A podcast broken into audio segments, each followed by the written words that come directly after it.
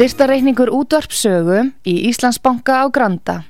Útubú 513, höfubók 26, reikningur 2.11.11. Nánari upplýsingar á útvarpsaga.is. Takk fyrir stöðningin.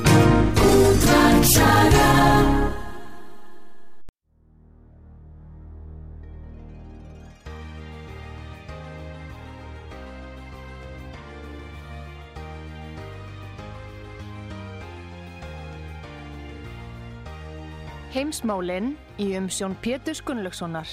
Fréttir og fréttatengt efni af Erlendum Vettvangi.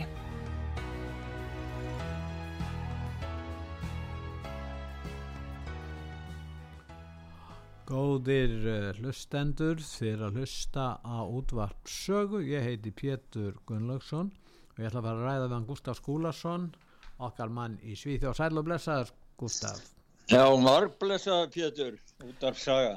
Nú við ætlum að fara til Ameríku og þar er uh, ráðstefna í halsmanna uh, og þá spyrja menn uh, á það erindi til í fréttum, já, við segjum það vegna þess að þessi ríalsmenn geta ráði úslitum um það hver verður frambjóðandi republikana í fósittakostningunum á næsta ári. Er það ekki En rétt? mitt, jú, Já. en mitt og hérna, þeir gerðu nú smá, þetta var fundur sem að tók nokkra daga, þetta er ykkur nokkri dagar hjá þeim og endaði á laugadaginn Já, og með aðal ræðu Donald Trumps fyrirverandi fórseta, uh, hann er náttúrulega komin í kostningagýrin, þeir gerðu smá skoðanakonnu svona, ég held að sé tengslum við þessar ástefnu sem að eru nú svona, þetta er svona aðgerða sinnar íhalsmanna sem að vilja fá aksjón, ekki bara tala um hlutina. Og hann fekk 62% af fylgið þar uh, sem, uh, sem satt uh, í frambóð fyrir að vera fórseta efni republikana. Næstur eftir var, fekk 20% af Don Sandis. Já. En við höfum afrætt um það að George Soros og aðrir eru að reyna að sundra republikanaflokknum með því að íta á eftir Ron DeSantis að fara í frambóð. heldur að, heldur að hann vilji það hann, hann Soros að fá DeSantos, ég menna hann Já, er öflugur stjórnmálum. hann, hann er búin að halda ræður og, og, og sendir út skilabóð sko hann er að reyna að sundra það er bara taktík hjá hún til þess að að að eiðilegja frambóði hjá Trump og þá tekur hann þann sko reynir hann að æsa þann sem er næst eh, bestur þá miða við alla skoðanakannanir Eh, það er hans markmið að- etja DeSantis út í frambóði gegn Trump innan En ef að. Soros lýsir stuðningi við DeSantos þá munu Já. íhalsmenninir stiðja Trump, þú veist það þeir, þeir Já, vilja- já, já. þannig Nei, að það þetta hefur sko, þverjum ein- áhrif sko. Já, ef eitthvað er, það, sko, það er, maður sér það á öllu þarna fyrir, fyrir eh, vestan, það er stál í stál og demokrata þeir verðast ekki hafa eiga neitt eftir nema bara þeir eru allir að reyna að lögsækja Trump meðal annars fyrir 7. janúari fyrra Já. með því að láta einhverja tvo lauruglum en kæran sem enga borgara, ekki sem forseta heldur sem enga borgara og að og gera hann skadabóta sekan fyrir öllu tjónu sem hafa verið unni á þingusun. Það er alls konar svona hluti gangi og það fer um leið og republikanaflokkurinn ákveður ef að hann verður valinn fyrir valinu og verður þeirra fórseta efni þá sjá, við eftir að sjá sko stóru vélina að fara í gang gegn, gegn honum sko og En Já. uh, við erum með smá hljó, ég er með nokkru hljóput að Steve Bannon var þarna líka, það voru margir þekkti menn sem að voru þarna tölu á sér ráðstöfnum, meðal annars hann, hérna, Nigel Farage og heimsóttir af fleiri öðrum góðum mönnum og líka Bolsonaro, fyrirvöndu fórseti Brasilíu og, og, og, svo þarna þingmaður frá Louisiana Kennedy er það ekki? Jú, Ed Kennedy, hann er ekki, sko, til er ekki nei, hann til er ekki hérna, Kennedy fjölskyldum, Nei, hann er maður allt getur annað. haldið það, þú veist að því hann heiti Kennedy. hann heiti meira þess að John, hann heiti John Kennedy Já, John, já, til og með það, sko, John, en svo er hann með lítið enn hann, John N. Kennedy Já, já. eftir, sko. En svo er, sko, við erum með nokkra hljóðbúta frá þessu og svo eh, meðal annars þá líka sem að kom fram og hefur nú vakið tölvöld umtal og anstæðingar Trumps er að gera lítið úr því og gera lítið úr honum, að það er það að það hefur verið gefin út plata með sönglægi, það er, þeir syngja þjóðsöngin, það er fangahópu sem kalla sig Jó6 sem eru enn í varðhaldi án dóms og laga, margir hverjir eftir handtökur í sambandi við árásin á þinghúsi 7. janúar 2022 og, og, hérna, og Trump hann eh, les sagt heit eh, bandarækjamanna til bandaríska fánans. Það eru nokkur orð sem hann les upp og er sem svona klift inn í þjóðsengingi líka, við erum líka með smá bút af því, bara svona til þess að hlusta skilju. Já, justice en, for all segir hann sko, það er þetta orð. Já, justice for all, það Já. er tekið úr þessu heiti til fána sko, réttlæti fyrir alla. Og það, republikanar þeir hafa rætt um það og það var mikið, það var hluti af samningunum, það tók svo langa tíma að velja fórsetaþingsins samningunum þar, það var að það er ekki rannsók, alminnileg rannsók mm. á atbyrðunum 7. janúari fyrir því að það er margt sem er á eftir að koma upp og, Þetta er nokkur svona fána hilling má segja þarna Já, já, já, það er það já. en við ætlum kannski að byrja því að Byrjum að hlusta á Trump, Trump. Hann, hann held að það tvekja tímaræðu og Já. reðst harkalega á republikana, ekki demokrata, republikana eins og Paul Ryan, Karl Rove og Jeb Bush, það er að segja þeir sem stjórnuðu flokklum áður og börjast, það er að ljósta að hann vil losna við þá, þannig að hann vil segja að þessi komin algjörlega ný stefna í republikanaflokklum, þetta sé ekki lengur globalista flokkur.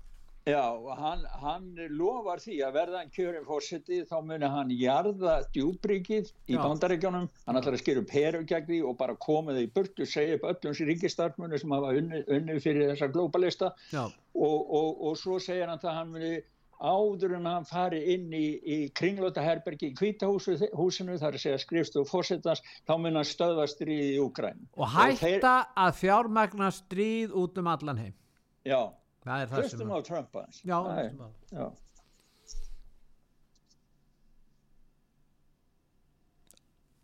of the warmongers and America Last Globalists and the deep state, the Pentagon, the State Department, and the national security industrial complex. One of the reasons I was the only president in generations who didn't start a war is that I was the only president who rejected the catastrophic advice of many of Washington's generals, bureaucrats, and the so called diplomats who only know how to get us into conflict, but they don't know how to get us out. For decades, we've had the very same people, such as Victoria Nuland and many others just like her, obsessed with pushing Ukraine toward NATO, not to mention the State Department support for uprisings in Ukraine. Já, þarna er hann að gaggrýna alþjóðavæðinguna eins og hún hefur verið og styrjaldar, Já, ég, styrjaldar stefnuna. Já, og það var nú annað hljóðbútu með hann sem ég sendi morgun, sko. þetta er gamal, ja, eldri hljóðbútu, sko. Já, en þetta var svona í sama anda. Já, þetta var í sama anda, sko. Já, já, hann, hann var með annað hljóðbútu, sko, þar sem að hann segir, sko, við vorum með republikanaflokk sem var stjórnað viðundrum, nýberjendum, globalistum, ofstækisföllum, fylgjendum, opina landamæra og fýblum. Við förum aldrei aftur tilbaka til flokksins með Paul Rand, Karl Rowe og Jeb Bush. En ég var að hlusta á, svo kom John Kennedy. Já, ég var að hlusta á, hann gaggrinir líka, demo, hann gaggrinir hins vegar demokratana fyrst og fremst. Já, já. Sjá hvað hann segir. So I say this gently. The Biden administration sucks. You measure it any way you want COVID, the economy, inflation, the national debt, the border, crime, cancel culture, treating parents like domestic terrorists. Afghanistan, our energy independence, now lost. My God. If you put President Biden in charge of the Sahara Desert, he would run out of sand. Já, hann er að tala um uh, stefnu þeirra í COVID-málum, efnarsmálum, verðbólkumálum, þjóðarskuldirnar, landamærina sjálfsög, glæpastarsum og annað. Þarna eru þessi stóru mál sem að uh, verður tekist áum í, kostingunum á næsta ára og eru þetta höfuð ákveðinsmáli núna í bandarískri pólitík.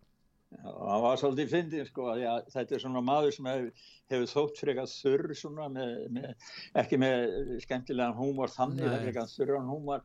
Þegar hann sagði þess að þannig brandara með bætina ef hann er að fórsett í Sahara þá myndi sandurinn klárast.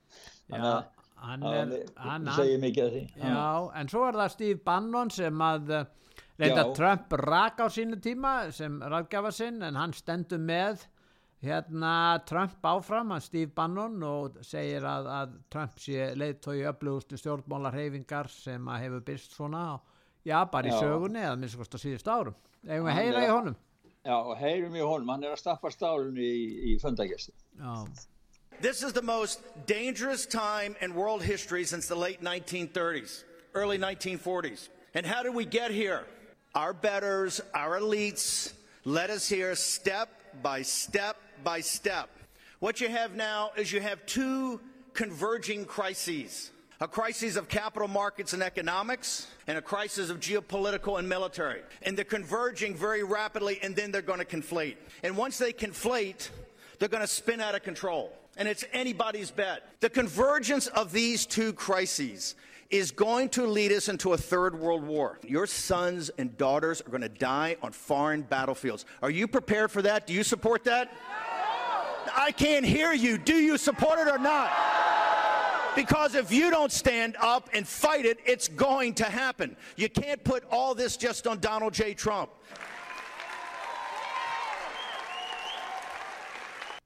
Já, hann er auðvitað að tala um tvær kreppur eða aðal kreppunar sem að núna eru ríkjandi í heiminum, þar annars er alþjóða kreppan og hernaðarkreppan og hins vegar fjármál og efnaðarskreppan, skuldirnar og annað. Þannig að, að þetta eru þessar kreppur sem að uh, heiminum stendur frammi fyrir og það er spurningin hvernig hægt er að taka á því, það er stóra spurningin.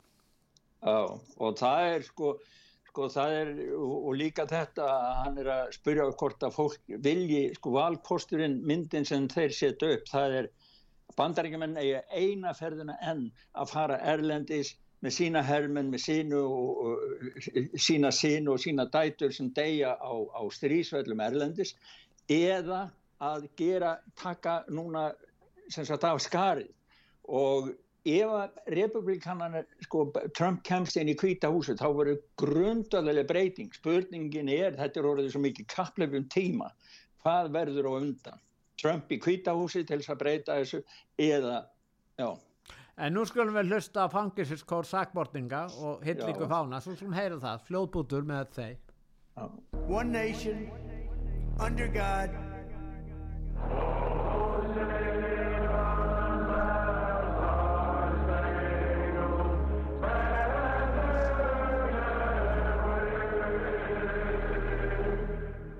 indivisible, with liberty and justice for all.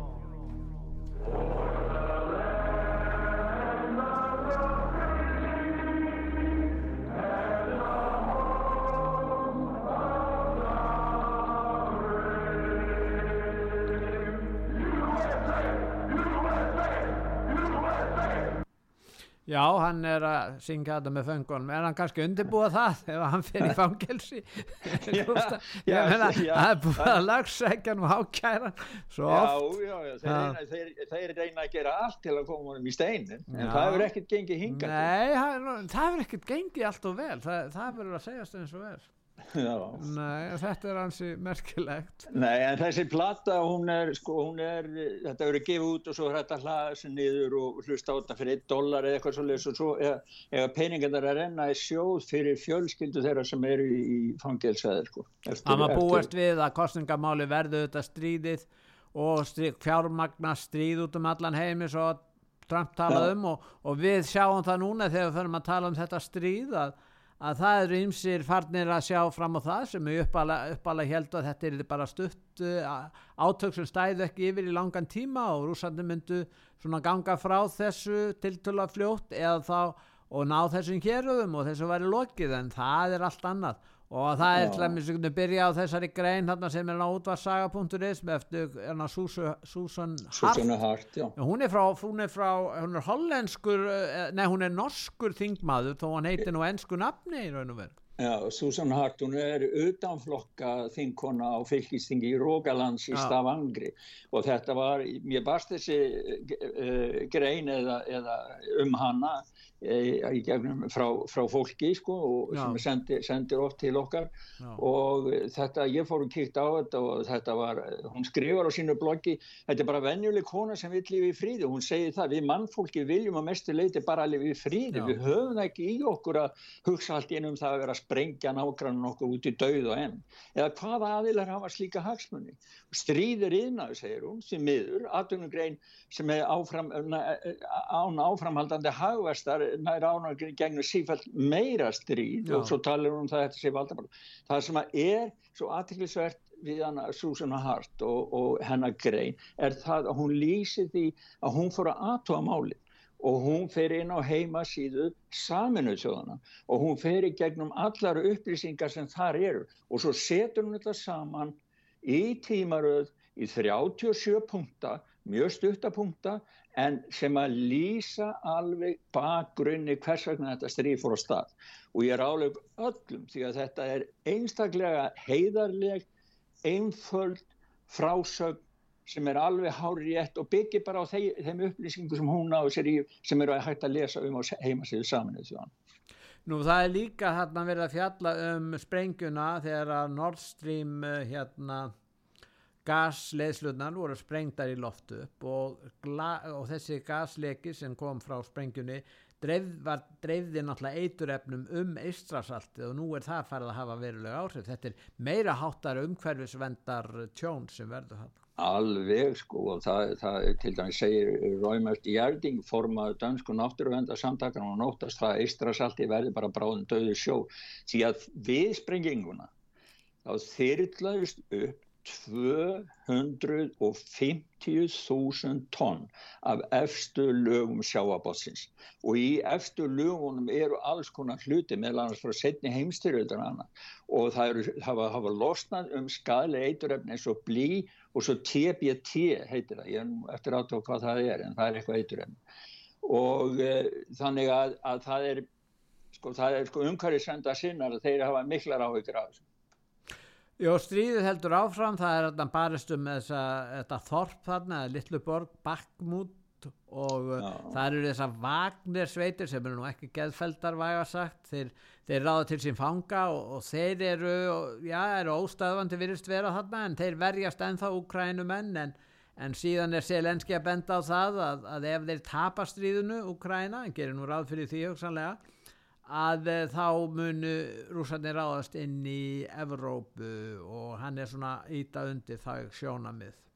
Já, hann var nú bara með ræðu, sko, blamannafund og Já. það var, það, það var ekki mjög illt blóð í bandaríkjum því að hann var spörður, sko, ef þeir möttu tapast í ríðan, þá sagði hann, sko, já, ef að eða, eða ef að fólk myndi að hætta stiðjan vegna þess að það er svo miklu umræðu til bandareikunum allar þessar peningaðisli í Ukraínstí og þá sann ég, ég get nú bara sagt þeim, þar sé almenningi bandareikunum eitt hlut, ef að þeir breyti ekki þeirra afstöðu, ef þeir skilja okkur ekki ef þeir stiði ekki Ukraínum, þá munu þeir missa NATO, þeir munu missa líka leitólut ekki sem bandarækjumenn hafi heiminn og svo hótan stendur hann upp og segir ef að Ukraína tapar já þá verður stríð rúslamillir Rúslands og NATO og fólk á Vesturlundum sínir og dætur ykkar munu deyða. Hann er sem sagt að hóta öllum hinnum vestræna heimi að það er ekki haldið áfram að móka vopnum og pumpa einn peningum í hann eins og hann óskar eftir, já þá verður bara kjarnustrið þrýði heimstöldin og balli sér búið. En það ætti líka kannski veka aðtegli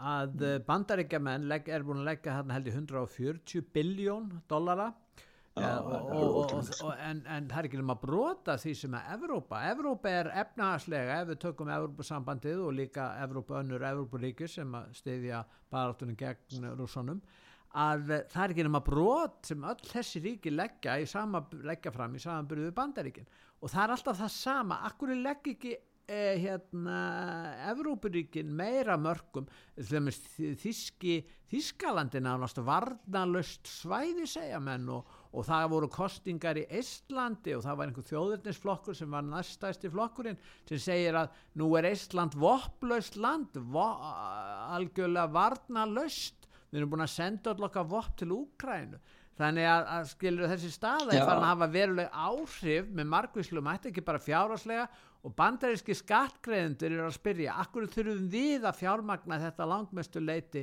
en Evrópa kannski sleppur ekki, pólverðin hafa lagt hlutværslega mjög mikið fram og Baltiklöndin og, en, og breytanir eitthvað en yfirleitt Evrópussambandi, ríku Evrópussambandslundi þar segja þau sem eru það hafa ekki gert það Já, og nú einhvern sem sagði það í bandaríkjánu, sko, hvað eru við að senda peninga til land sem að fá við einu sinu um, að sé til?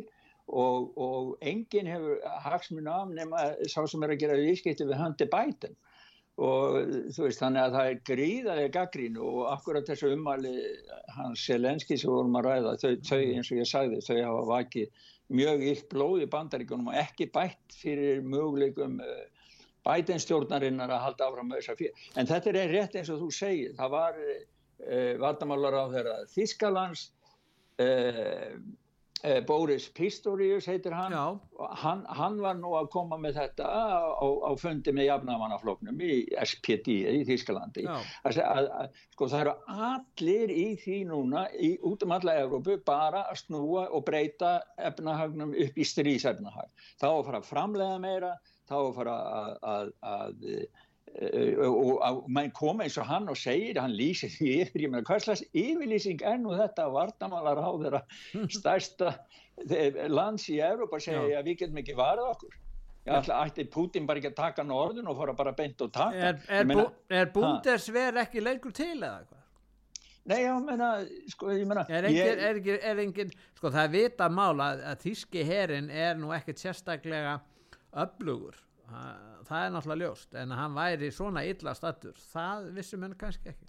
Nei og þá, og þá getur maður líka að spursa sig sko hvaða, hvað signalera þetta, hvaða bóðskap sendir þessi afstæð, þessi yfirlýsing varnálar ára Þýskalands til umheimsins, jú það er einhver staðar, einhver svona takmörk sem voru sett eftir setni heimstegildina til mig aldrei stakka herin, til mig aldrei verða herrveldi að nýð verður það þá ekki bara yfirgif og þeir verðað herrveldi að nýju og taki bara yfir fórustun aftur í Európu eh, eftir setni hefstöldar þeir hafa nú verið mikið þeir hafa nú verið gaggrinir fyrir það að vera alltaf línu við bandarækjumenn stendur við hlýðin á bæten og á þess að minnast á sprengjáru sem á Nord Stream. Og, og, en ég menna þannig að það, það er svo mikið sem er að gerast núna það er Það hefur áhrif á öllu leiti, þetta hefur áhrif á það þeir eru að reka Rúsland úr alþjóðlögum stopnunum eins og til dæmis þessari FATF, þar að segja sem er alþjóðlega stopnum gegn peningaþvætti og fjármögnun hriðjuverka, það hefur verið að ræðum það hver er mun sigra, það hefur verið að deilum það að Rúsland getur ekki tapað eða mun sigra, svo segja aðrir Úkreina getur ekki tapað og mun sigra. Og síðan er raukstuðningur fyrir áframhaldandi barður ég ætla að út frá því hvor er líklegri til að sigra, þetta er svolítið sérkennlegt? Já, já, ég, það var nú einn herfóringi en að sænskur í sjóvarpinni gerðkvöldi að tala um það að, sko, að þetta væri spurningum hver getur framleitt meira af skótvorn sko þetta er komið í sama eins og við höfum rætt um frá, frá þessari hugveitu í bandaríkjanum sem að segja það að bandaríkjaman getur unnið bæði bæði sem sagt rúsa og kína í samheilu stríða því bandargemenn geta framleitt meira á skotvöfnum heldur en hinn þannig að ég menna maður ma ma skilur ekki á hvaða plani þessu umræða er. En þetta, en, þetta er ákveðna þjóð sko, Pólverjar hafa alltaf stutt núna úkrænumenn og þessi ríki Eistrasalsríkin ykkar og síðan er það, er það Boris jo jo Johnson sem gerði það. Og svo bandar, Biden og, og, og þarna ákveðnir hópar í bandaríkjum þetta eru hóparnir sem hafa mest haft síði frammi. Síðan hafa frakkarnir og, og þjóðverðarnir svona trillað svolítið á eftir. Já, og það við ætlum að hlusta. Við erum heilt hóput hérna frá eh, einu manni sem er nú republikanisk og ég bara skil ekki að hann getur verið í sama flokki á Donald Trump því að þessi maður hann er gjörsamlega um- stríðs Er það tala um Lindsey Graham? Já, gjörsamlega stríðsbrjálaður. Og sko hann er svona stríðshaugur og, og ég hugsa með mér þegar ég heyri mann, hann, hann er bandarískur og hann er á bandarískum heimavelli og hann er að tala. Hvernig geta menn tala svona eins og hann gerir? Um það, hann er að lýsa því sko, hann er að ákveða til dæmis fyrir Úkrænu og fyrir Tæfan, já þeir munu berjast í síðasta manns, ég ættum að hlusta því mér, mér, hann, er, hann er öldungadelt að þingmaður frá Suður Karolínu Lindsey Graham, við skulum hlusta á hvað hann segir As long as we help Ukraine with the weapons they need and the economic support, they will fight to the last person. and we're going to strangle the Russian economy as long as they're the largest state sponsor of terrorism. So if you want to receive what Putin did, try to go into Taiwan. They're going to fight to the last man in Taiwan. Fight to the last man in Já, ég meina hugsaði hvernig, eh, sko, já, já, hann, hann talar sittur hann í stól og, og Já. segir að þeir mun ekki einsku, þeir munu líka leggja hagkerfi Rússlands að velli eftir að búið að sýra það á Já, ég menna sko, hvað hag hefur hann af því að leggja Já, og ég menna sko þetta, þetta er svo sko að, að, að sitja þarna hinum einn á nettunum Mm. og vera ákveða, já, tæman mun berjast til síðasta mann, síðasta sitja og vera ákveða með líf annara og ákveða fyrir aðra þjóðir hvað það er að gera. Mm. Mér finnst þetta bara að vera geðviki á háu stíði, sko. Þetta er stríðsbrjálega. Ég talaði um pólverjana sem eru mjög ákveðnir og hardir og þeir, þeir, hafa, sko, þeir hafa þó sínt það að þeir meina sem þeir segja sko, þeir fórna sér og gefa, láta mi- mikla fjármun af hendi og gera það sem þeir geta fyrir, fyrir Úkrænu en hérna nú er ymsir í bandaríkjunum farin að verða svona á sama plani og pólverjarnir í afn harðir gegn Rússland. Já, nei, það var... eins og Lindsay þessi og fleiri Já, það var eitt sem skrifaði hérna sem að mér fannst það svolítið gott sko, að hann skrifaði það að eftir að Stoltenberg tilkynnti að hann myndi hætta sem, sem aðrítari NATO Já. að þá sagði hann bara, já ég vona að það veri ekki pólveri sem takkið við hann því það er eins, eins og Viktor eða núland á styrum því að pólverjarnir eru eins og þú segir, þeir eru svo rosalega rosalega hardir á móti rússum Já, bara- það er nú sko sögulegar ástæðið fyrir því. Rússarnir hafa ráðist ekki einu sinni heldur oftar og, og bæði eftir, eftir bolsivika byltinguna þá börð, vörðust, vörðu pólverja landið. Það tókst hvað upp úr hvað, 1920 og hvað 1-2 eitthvað svolítið á þeim tíma og síðan náttúrulega réðust rússarnir inn í september mánuði eh, 1939 eftir að þjóðverjar tóku hérna vestur hluta Pólans þá fengu þeir austur hlutan og pólverjar náttúrulega tekka sína sögu þannig að þeir eru skítrætti við rússana en þeir Já. hafa þannig reynslu og, og þeir styðja úkrænumenn og ætla að gera það þannig að, að það er Já. spurningin sko hvernig Þetta það er sko algjör púður tunna sko, ef þetta Já. eitthvað lengra Já. veist, og það er nú það sem að vera að vara við sem Stevie Bannon var að vara við sko. Já, já. sem sagt hernaðilega kreppa og svo peningakreppa og ef þessar kreppur ná Já, saman einmitt, að, Steve Bannon hefur reynst sko það sem að menn hafa nú kannski því að hann hefur nú, nú umdeildar skoðinir og umdeildur svolítið að Já. menn hafa verið að gera lítið en, en það er merkilegt ef farðir aftur og þá, þá sést að hann hefur oft haft mjög rétt fyrir sér í, í ymsu málum og svo er nú hérna í Svíþjóð sko, við erum nú með Svepp TV sem að, höfum stundum rætt um sko, sem er eins og Radio Sagan bara með, bara með sjónvarp og þar eru þeir alltaf með svona Já. eh, álitskjafa og ræða við fólk sko, og það var eitt sem sagði það að, að sko, þar kemur fram alveg anstæði við það sem að megin miðlarnir eru að gefa okkur myndir af allt gangi svo vel og Úkrænu, það er bara spurning hvort, hvort þeir vinni stríði fyrir kvöldmattin í dag eða á morgun sko. en, en sem ekki stemmir sko. og, og hann var eitt hérna hjá þeim sem sagði það, Magnús Stenlund sem sagði það að, hann sagði bara að rússarnir þeir varu búin að skapa hakkabil þarna í þessum bæ Já. eh, sem þú nefndir áðan og, og þeir bara mölu nýður alla bara ískalt sem að kæma og þetta væri raun og veru þeir sem stjórnuðu stríðinu en ekki úkrænumenn eða vesturland þannig að það eru gríðarlega skipta skoðanir um þetta. Við töluðum um daginn í sambandi við uh, þingkonu í Evrópþinginu sem að var með reyðu fjö í tösku hjá sér, það er fleiri, það er núna eiginkona úkrænsk þingmanns tekið með 28 miljón dólar takk fyrir, Já, takk ég- fyrir. ég, Ég var ekki- ég var og það. reyðu fjö í ferðartöskum ég þetta hvað fekk hún peningana eiginlega? Já, og segðu 28 það. miljón dólar Já og svo konan hans Selenski sem var skrapparna meðan hann voru að fundi í Paris Já, hún, hún notaði kortið sitt Já, lagi. notaði kortið sitt. en, en það voru nokkra miljónir íslenskar en þetta eru 28 heitir- í reyðu því miljónir dólar hver í óskopunum nærun í það? Já, spurðu, segðu. Ég, ég kemur þetta ekki bara frá Þarftu ekki Bandaríkjunum? margar ferðartöskur undir 28 miljón dólar Þú ég, þarft heila ég, sendiferðabíl uh, með töskum undir það ég hef aldrei séð 28 miljón dólar í ekki sæðlum þannig að ég Nei. á vola erfitt með að upplifa hvaða stærðakar að þetta sé sko. Ha. Heyrðu fyrirgæð, ég glemdi, það var 1,3 miljónir evra, evrur voru líka þarna, svo ég hafi nú frá jafnbræði á milli bandaríkjana og Evrópu, það er nú rétt að hafa evrun og dollaran. Já, sem að voru með hjá henni líka. Já, henni líka, sko. Já, já, ég meina, ég, það er greinilega, það, ég held að íslenskir þingmenn, þeir eitthvað sækja um störfi í ukrainska þinginu, þeir fá mikið betra borga, það er greinilega. Ég veit það ekki, en, en hvað er í óskapunum? Þetta sýnir náttúrulega, Ah. það, þetta er bara venjulegu þingmaður. Hugsaður, ef hann getur náð sér í svona að reyðu fjö, ég meina, hvernig heldur að spillingin sé þarna?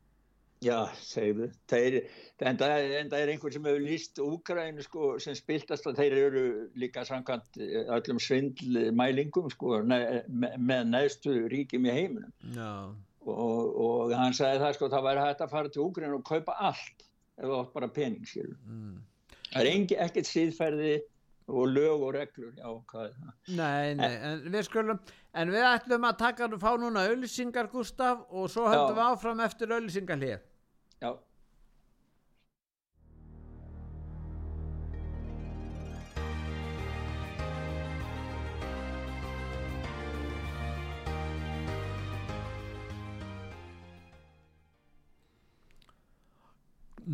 góðir hlustendur þeir að hlusta á útvarp sögu. Ég heiti Pétur Gunnlaugsson og ég er að ræða með hann Gustaf Skúlason í Svíþjóð, okkar mann í Svíþjóð. Uh, Gustaf, við eigum að heimsækja ykkur núna í Svíþjóð? Já, er það ekki bara? Við vorum að ræða um Úgrænu stríðið svo mikið, það er svo mikið í heimsmálunum um þessa myndir. Já, og e, það hefur verið mikið rætt hérna í, eða töluvert rætt um það í síðu hérna að Ulf Kristinsson e, fórsættisráður fór yfir til og hitti Selenski og sagði hann í að að því að síjar gætu gefið eða styrt úkrænumenn með sænsku herþóttunum, já skrýpen já, og, og, og hann sagði þá blamanufundi þegar það var eitt á eftir þessu við hann hérna þegar hann kom tilbaka þá sagði hann já það er ekkert þó að það sé ekki á borðinu núna við náttúrulega ætlum ekki að gera það núna þá er ekkert útilokað í þeim, þeim efnum. Þannig að og þe- viðbröðum við þessu voru þau á hálfu Rússlands að Sergei Ryab- Ryabkov aðstóðar utanríkisáður Rússlands, hann var í viðtali við Sænska Dablaði og hann segir það bara beint út, já ef þið sendið þóttur, stríðsþóttur til Úgrænu, já þá eru þið bara hluti af stríðinu. Þá Já. bara tökum við, tökum við, þá verður þið bara ekki lengur vinnur okkar. Man nú ekki alveg hvernig hann orðið þetta en það, sko, og það, það er, en, en, en meiningi var svo að ef þeir myndu senda þóttur þá eru þeir orðin anstæðu megin í, og þáttakundur í stríðinu e, við Rússland. Og það, það má segja það hérna í Svíð og það er bara verið, síjar eru bara undirbúið sér fyrir stríð ekki bara, bara með það að senda stórskótalískerfi og all, allan hennar háþróa að pakka eh, herbíla, skrýtir eitthvað allt mögulegt til Úgrænu heldur það er verið að undirbúið sér hérna innanlands, það meðal annars lénstjórnina hérna er að vinna að því að bjarga sænsku menningar árifi frá því að eyðast og að skrifa lénstjórnin í Jæfleborg skrifaði, lénstjórninnar auka vinnu við að greina, velja og merkja þau menningaverið mæti í þeim lénum sem hafa mest þjóðlega þýðingu í stríð er algengt að menningaverið mæti verði skotmark já, og svo rættu við síðast um það að það hefur undirbúa kirkjurnar í Svíðsjóðu að taka Já. frá land til þess að að jarða alltaf hálfa miljón sænskra Já. svíja með stöttum fyrir það. mm. Þannig að sko Svíðsjóð, það er bara ekki talað um er stríð, stríð, stríð, stríð. Og núna er, en, en sko, og heimbóin þá hefur aukist áhugi ungmenna henni Svíðsjóð að fara í herin. Þannig að, Nú, er Já. það? já, já, til að verja Svíðsjóð fyrir árásur rúst. Það er engin herskilda í Svíþjóð, það er bara atvinnu. Nei, já, þeir eru að tala um að, að, að taka upp herskilda nýju, sko. Það er í, já. Já, það er Og, það. og, já, já, og en það er- meður segja að fara að tala um, um á Íslandi um að hérna að Íslendingar hérna eigi að, að stopna eigin her, hvort að Íslendingar eigi að gera það. Já, sko, maður bara spyr sér hvert fór eh, þessi, þetta e- einkenni Norðurlanda að vera rödd fríðanins í heiminum. Já, Og það sem hefur verið sko eins og Svíðsó í gegnum, gegnum aldirna líku við, í gegnum ára tugi, ég meina, og Noregur, Ég meina núna áður fyrir þá vorum við með Dag Hammarskjöld og með fleiri svona stórmenni sem unna friði og, og það hefur verið auðkenni að samningaleiðin á að fara og tryggja frið en vopnin, og, og láta vopnin þegja. En núna þá erum við með eins og Stoltenberg og Ulf Kristinsson og, og, og, og, og Sanna í, í, í, í hérna, Finnlandi með fleirum og allir tala bara um vopn og stríð. Ég meina, hvað varð um Norðurlandi? En, en svíjar eru að eignast óvinni þeir eru að eignast óvinni til dæmis hérna uh, ungverjar sem hafa nú verið í, í Evrópusambandinu með Svíþjóð. Nú uh, segja ungverjar að, að Svíþjóð sé að dreifa falsup, falsfréttum um þá ekki eh, Peter hérna Sjartó Sjartó, utan ekki sráður. Já, þetta svo að hann er, hann er farin að tala svona sko. Og það er ekki bara einhverjir hérna uh, ákveðnir þingmenn, eru, þetta eru ráðherrar í viðkomandi ríkistjórnum sem eru, eru hérna tróða illsækir við aðra ráðherra í öðrum ríkistjórnum innan Evrópusabas Já, já, þetta er í gegnum uh, þessa deilu sem hefur verið innan Európa-sambassins þar sem hefur verið á að reyna að kremja ungverja til þess að fylgja öllu í einu öllu, með ekki hugsa En þetta sjálf. hefur áhrif allstað, til þess á Íslandi, það, það er dómstagsflugvél að bandaríkjamanna, hún lendi á Íslandi, það er þessi E6B Mercury vél sem er stjórnstöð í kjarnungustrið. Já, já. Það eru nokkra svona vila til en þeir seg, sko, uh, það er sagt í því sambandi, já, þetta er svo, þetta er svo mikið dómstagsvokk að það verður aldrei nota. Já. En okkur eru þá að senda? Þeir eru að ógna með þessu. Þetta er, hlutverk þessara vélar er að vera upp í loftinu og senda skeiti, skotmarka skeita á eldflögum sem er skotu upp á kábátum og, og, og, og, af landi líka.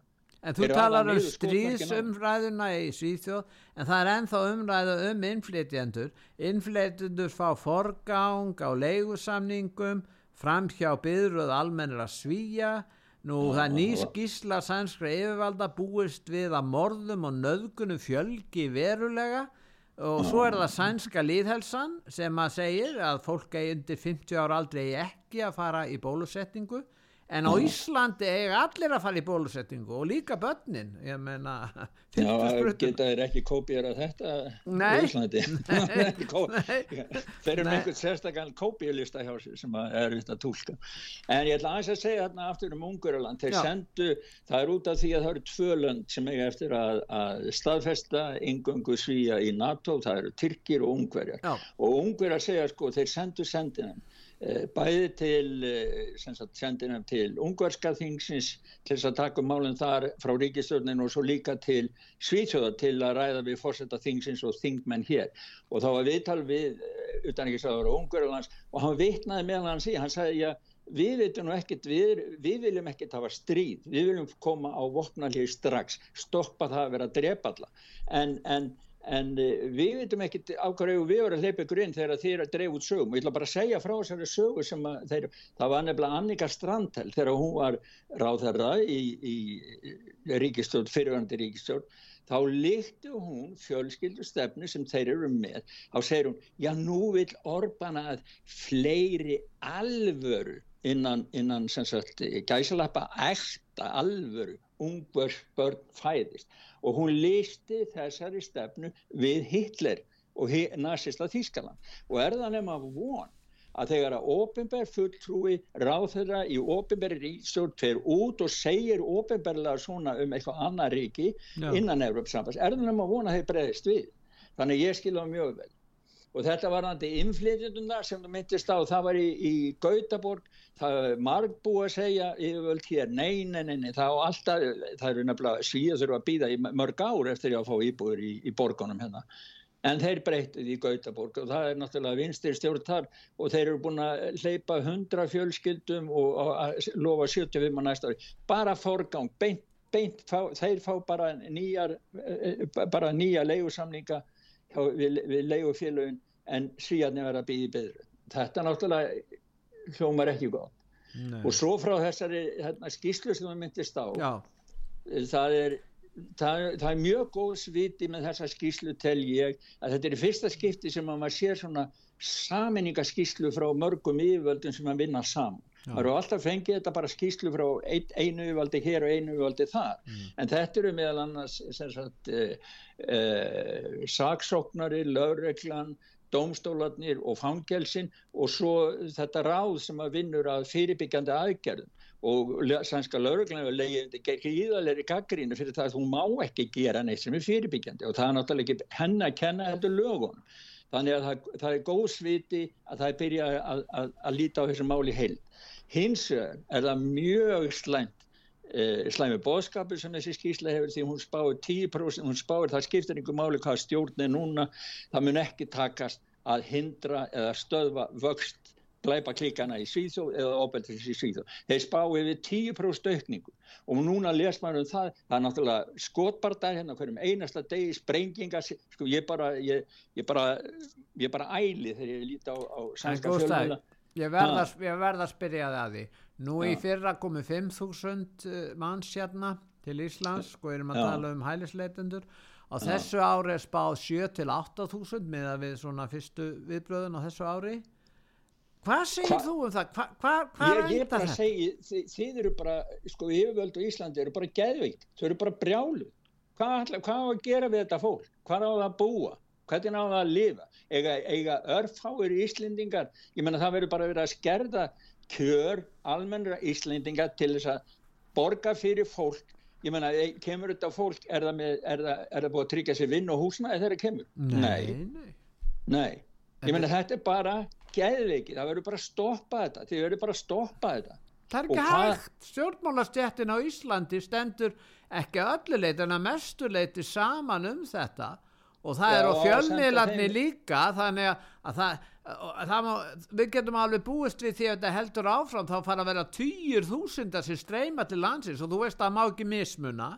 Það, mismunin er vesti glæpur sem að hægt er ímynda sér í svo gulluðu nútíma samfélagi þannig að það er ekkert hægt að stöðva þetta meðan að stjórnmálamennir eru með þessa stefnu. Og ég meina, og svo segja að almenningur vilji þetta sem er náttúrulega hauga líf Já, hafa þeir spurt almenninga? Njá, þeir stjórn sko, Nei, þe- þetta hefur, hefur fólk verið spurt að þið viljið þið breyta Íslandi í fjölmenningu? Þeir vilja ekki skoða þetta mál, ekki frekar en vilja skoða aukaverkanir af, af þessum efnum sem fólki var sprautað með út á COVID. Það er svona ákveðin mál sem þeir vilja ekkert koma að, skil. Já, fyrir hverja eru þeir að vinna? Þeir eru Já. ekki að vinna fyrir íslensku þjóðin. Nei. Það er alveg klart mál. Nei. Þannig að sko, ég bara, ég bara á að eiðilegja Ísland, spyr ég, sko. Er verið að eiðilegja Ísland? Með, það, ég menna Ísland, ég menna 5.000 manns á einu ári. Hvað eftir nokkur ár? Hvað verður að koma með 20.000 manns og hefur, hvað, tekur langan tíma fyrir þetta? Þetta er bara sænska aðferði og við sjáum hvernig þetta er hérna í Svíþjóð. Það, það, eh, hvað sagður þú? Þú notar eitthvað orð áðan hérna mismunum. Já, Ég get sagt þér það Já. að þú horfir á lifandi mann og síðan dauðan mann Já. Mm. hlið við hlið, þá sérðu þennan mismunum. Já, Já.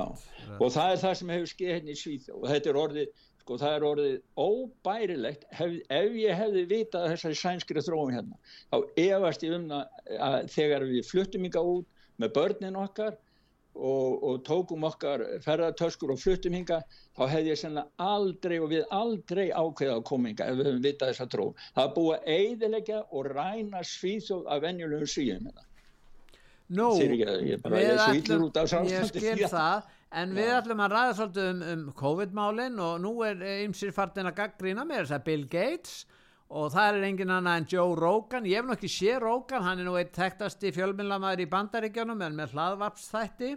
Já. og hann segir að eh, Bill Gates hafi grætt á bólefnunum og þegar hann eh, grætti eða á þessum, eh, hérna, þessum efnum og svo þegar hann seldi brefin sín í, í þessu fyrirtæki sem voru að selja efni þá sagði hann að þetta væri ekkert þessum ég meina hva, Já, hvað er eiginlega að ske hjá, hjá Já, Bill, Bill Gates? pening er þetta er bara snýst bara um það að græða á fólki hér. Það er ekkert að annað. Eh, hlustum á hvað hann segir. Já, Það svo- hlusta á. Joe, Joe Rogan. He's not a virologist. He's not a medical doctor. Yet he was this public health advocate on television telling everybody to go out and get this medical intervention that he would profit from, which is fucking wild. It's really wild that it's that transparent. That it's not like multiple steps and shell corporations and it's really difficult to find out where the money's going. It's like right there. Like you knew and so you did that and sold and you did that and bought and you've made hundreds of millions of dollars off of a $100,000 a year salary. Já. Já, já. Nei, nei, það, bara, það er ekki hægt sko, ég meina, eins og þú segir að þetta var, þetta var það eina rétt og hann tala eins og hann væri bara einhver læknir Já. og meðan, meðan, meðan var verið að koma þessu út og pína alla til þess hann að taka vissi þetta hvað var að gerast kefti og seldi á besta tíma eins og Já. við þekkjum á Í- Íslandi er að vísu íslenski stjórnmálamenn sumir þeir kaupa alltaf á besta og versta tíma af ríkinu, ríkið er alltaf seljandi hjá okkur. Já, in, er ins, insider. Já, þetta er banna með lögum. Já, já, er að þetta, þetta í er bara svona og, og þetta er ótrúlegt að hvað Eh, að sjá þessar fjöldabólusetningar og, og það er dæmis eitt bandarísku þingmaður mjög umdeild kona. Hún spyr af hverju er engar er, eru aukaverkanirnar ekki rannsakar það er búið að tilkynna eh, eina miljón og 500 þúsund tilkynningar til bandarískri yfirvalda um alvarlegar aukaverkanir af þessum efnum. Já, hún hefur farið fram. Já, við erum með hljóp út með henni. Já. Kannski, svo vorum við með annan líka. Já við skulum hlusta á hana fyrst. Nei, Já. við, allir við já, við hlustum á hlóðbútt nummer 8 já. The biggest drug cartels in the world get together and buy up all the media and all the mm-hmm. politicians and force all the people in the world to stay locked in their homes. Mm-hmm. And people can only come out if they take the cartel's drugs and keep taking them over and over. I threw the script away. I mean, who is going to believe that crazy idea? Being forced to do drugs? Já, vissu, þetta var hann hérna Woody var Harrelson. Já, leikari sem var að gera grína þessu og, og hæðast að veldi livjareysana en við skulum Já. hlust ha, þetta var nei, að- ágætt, ágætt setningi á honum, hann sagði að var einmitt að tala um það eh, hvernig þetta væri hægt að trúa þessu þessum aðferðum sem þið nota til þess að réttlæta þetta. Já, og að loka fólk inn til þess að láta það taka líf sko. Já, já, já. þeir sem eru eitulífum þeir myndu náttúrulega ekki en, en hlustum á hann Anna hana bandaríska þing, já um Researchers aukaverkanir. found that the vaccinated are at least twice as likely to be infected with COVID as the unvaccinated, and those with natural immunity. But as of February 17, 2023, here's what is shocking to me. There are over 1 million, 1.5 million adverse COVID vaccine effects reported on the VAERS system, and no one seems to want to investigate what these vaccine injuries and deaths are all about. And that's something that cannot be ignored. Já, Já, hún, hún er að segja þarna sko sem er bara fyrsta skipti sem hefur verið að taka upp af svona yfirvaldi, þú veist, embæ, kjörnum embætismann sem að venjulega fólki er búið að vera að tala um núna í 2-3 ár sko. já og það, það er degja, sko, það er vona, vonandi verður, kemur eitthvað út bara, þetta verður ekki bara kæft, sko. Já, þetta eru skadlegar aukaverkanir að mati þarna senda á einu og hálf miljón manns, sjúklingar, senda þetta inn og Já. það er engin að rannsaka þessar aukaverkanir. Nei, Það er hvergi frá sér, sko. Já, En er ekki allt í lagi að rannsaka, þeir eru að rannsaka alls konar sjúkdóma eða, eða einkenni og aukaverkanir, en þeir alltaf ekki að rannsaka aukaverkanir vegna þess að það getur komið óorði á lífjarísana. Já, það er bara það. Þetta er bara, þetta, þetta er bara fólk sem eru bara agentar fyrir Livia og þess vegna það- það myndu þá ekki selja mik jafn mikið af fymtu sprautinu, það er verið að auðlýsa fymtu, hugsaði, það er verið að auðlýsa það er nota fjö, þetta er opert fjö skatt með þetta til að auðlýsa það að börn fari í fymtu sprautuna Þetta er ótrúlega, sko. þetta, þetta er ótrúlega þetta er bara þetta er náttúrulega galið. En, en, en, það er, Galið, en, það sem er að skilja Breitlandi núna, sko, það voru yfir, sko, það, það, það er Breitarnir orðin alveg bara ösku Já, lekan hjá Daily Telegraph, ertu að tala um já, Já. Lekin þarna það var WhatsApp, það var lekið yfir 100.000 skilabóðum innan ríkistjórnar Breitlands á, á, á meðan á þeir voru að taka ákvarðanar um COVID e, lokanir og allt annað. Og e, það er alveg skugga, þeir vissu nákvæmlega hvað þeir voru að gera, þeir vissu nákvæmlega að þetta var ekki hættulegt.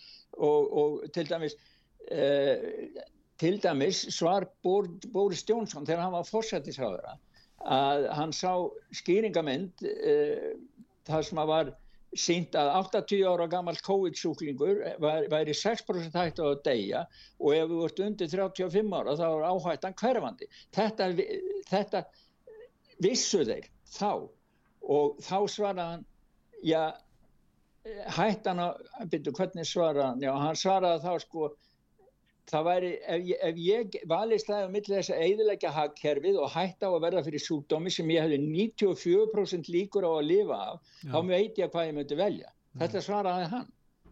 Og Já. samt sem áður settur í gang allar þessar lokanir, eiðilöðu líf, fjöldamarks mikils eh, fólks, eiðilöðu fyrirtæki, sko þetta, þetta er, ég skil breyta þeir séu yllir út af þessu. Já, og hérna, en það er hérna, uh, við, við höfum nú ekki langa tíma eftir, við þurfum að hlusta Nei. á einn ástralskan tingmann, hann er að fjalla einmitt um uh, lofslægið og lofslagsmálinn og, og það er stuttur hlöðbútu með honum, hann heitir Malcolm Roberts. Já. We've had two natural experiments, global experiments, in the last 14 years. The first was in 2009, when the use of hydrocarbon fuels in the recession that followed the global financial crisis reduced. There was less carbon dioxide produced from, from human use of hydrocarbons. And what, did that, what happened to the level of carbon dioxide in the atmosphere? It kept increasing. And what happened in 2020? When we had a, a major recession, almost a depression around the world as, as a result of COVID restrictions. We saw the same reduction in hydrocarbon fuel use by humans and yet carbon dioxide in the atmosphere continued increasing. And those who understand the science understand that it is fundamental. Humans cannot and do not affect the level of carbon dioxide in the atmosphere. It's controlled by nature entirely. Nú, Malcolm Roberts segir að manniskan hefur ekki áhrif á. Já og það, og það sem er aðteglisvægt í sambandi þetta hann er verkfræðingur, hann, hann, er, hann hefur sína stjórnmálaskóra, hann er andglobalisti en hann er verkfræðingur og sérfræðingur í eitruðum gastegundum. Mm. og hann hefur stjórnað verkefnum þar sem að sko, fjölda manns og jafnvel, ekki bara tíu, jáfnvel hundruðum manns hafa verið háð því að hans skilgreiningar á eitruðum lofttegundum og annað hafa verið rétta, þannig að hann veit hvað hann er að tala um hann afskrifar þetta og segir það er náttúrulega sem sér um, um, um kóltvísýringin, ekki manniskan. Þetta er bara stórt blöf. Almenningsálit er að breytast líka og eins og lofslagsfræðingar hafa áhyggjur af því að, að, hérna, að afstæða almennings er að breytast. Já, og svo ættum við að segja frá því núna, sko, það var að koma núna í morgun, það voru 2000 bændur er að gera uppreist gegn þessari brjálu blekkingu sem er verið að eðalegja landbúnaðin í öllum löndum í vestræna heiminum. Já. 2700 traktorar lamslóðu Brussel núna á förstu daginn held ég að við. Bara að segja frá því, kemur ábyggileg ekki fréttum á Íslandi, sko. Þeir eru að berjast í það, það er sama þar og í Hollandi, sko. Það er alltaf kála 3000 bílum í Hollandi, sko. Ég vona bara bændur allstað á Vesturlundu bara að rýsa upp og stoppi þetta þessa geði. En Ítalir og þjóðverjar er að stöðva bílabann eh, sem á Já. að setja á og þeir vilja það ekki, þjóðverðinu myndi ekki þóla það. Nei og það er mjög gott sko, þeir, þeir eru verið að bakka með þetta, þeir eru verið að fresta uh, sem sagt einhver ákvöndu tökun á, á, á, á þinginu því að Ítalir og vegna mótmæla Ítalir og þjóðverðar það er bara mjög gott þetta verið stoppað, þetta er brjá eða bara geði innan 35 þá hefur til rafbíla fyrir allt fólk á, á Vesturlundum, hvaða ruggli er þetta? Það er með hljóðbút í lokin eh, J. Michael Evans og það er fjallað um það sem um, vilja World Economic Forum að fylgjast með því með lífið þínu hvað þú veslar og borðar og ferðast og, og svo frammiðis we're developing through technology an ability for consumers to measure their own carbon footprint. What does that mean? That's where are they traveling? How are they traveling? What are they eating? What are they consuming on the platform? So, individual carbon footprint tracker. Mm. Stay tuned. We don't have it operational yet, but this is something that we're working on. Heyrður þetta, Pétur? Já, já. Sem sagt einstaklingsbundin spórari. Þá er allir að vera með, með spór eftirlit á digitalt og fá útlutað kólefniskvóta Hver er þessi. Michael Evans, J. Michael Evans? Uh, Vittu nú við hann er forstjóri resa fyrirtækisins Alibaba í Kanada Já þannig að sko hann er greinlega að vinna því að taka þetta fram og allar að græða góðan peninga þannig að þetta kolefnis Alibaba er, það ekki eigu kýmverja? Alib Jú, Alibaba er kýmur sko en, en ég, ég held ég sko Já, það er það. er ekki kýtt á það, já. Já. En svo verðum við áður en við hættum í dag, þá verðum við aðeins að koma þetta inn á eitt hlut. Ég sett eina frétt, sko það er menningabilding í gangi í heiminum Já. sem á líka rætur eða hún ber svona kynverst bragð vegna þess að þeir nota alltaf, alltaf þeir sáu orðið á ennsku inklusífi eða svona sameinandi. Við verðum að gera þetta því við ætlum að standa að vera saman Já. og saman. Þá er, er það kynverski drekin sem er að blása úr nös. Núna er búið að rítskoða James Bond Já, verður semst að bækurnar hans þetta er hvað, 70 ára ammali og í því tilefni það, sko fyrsta skálsaga hann Flemings kom 1953 já, því tilefni þá verður endur útgáð öllum James Bond sögunum. En það eru, það eru 14 bækur það eru rítskoðar ég ætla að taka eitt dæmi um rítskoðan að e, það, það sem að segir í einni bókinni þeir, hann er að lýsa Afríku í Live and Let Die já, frá 1954 það sem hann segir, James Bond segir Afri, um Afríkubúa, þeir eru ansið löghlýðni náungar held ég nema þegar þeir hafa fengið sér á mikið í staupunni e eftir rítskona þá er settingi þessi. Þeir eru ansið löghlýðni náungar held ég það er búið að taka burtu meiningur þetta er náttúrulega bara þetta er bara að eiðileggja enga rétt æjan Flemings sem á, á höfundaréttin að eiðileggja menninguna með þessu. Og veistu hverju gera þetta? Jú það eru nýr hópu fólk sem eru kallað tilfinningalesendur tilfinningalesendur sem eru til þess að- passa það að, að, að Ég þetta menna skemmi þetta er ekki út um allt. Þegar að tinni, tinni og koppi hérna kafteitt fá ekki að vera í friði þá fær enginn að vera í friði.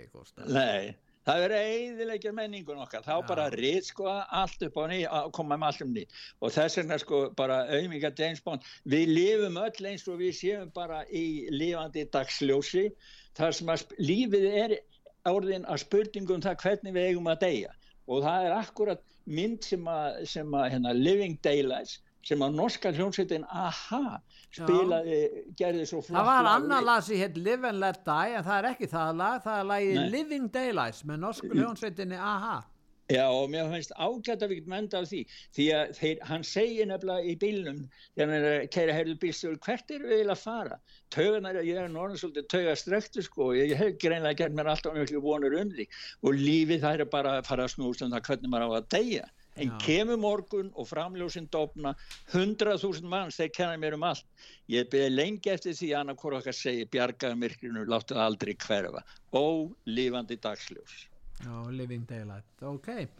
Heyrðu, Við skulum hlusta á The Living Daylight. Takk að ég fyrir Gústaf Já, hakka sem við leiðist og hlustandi.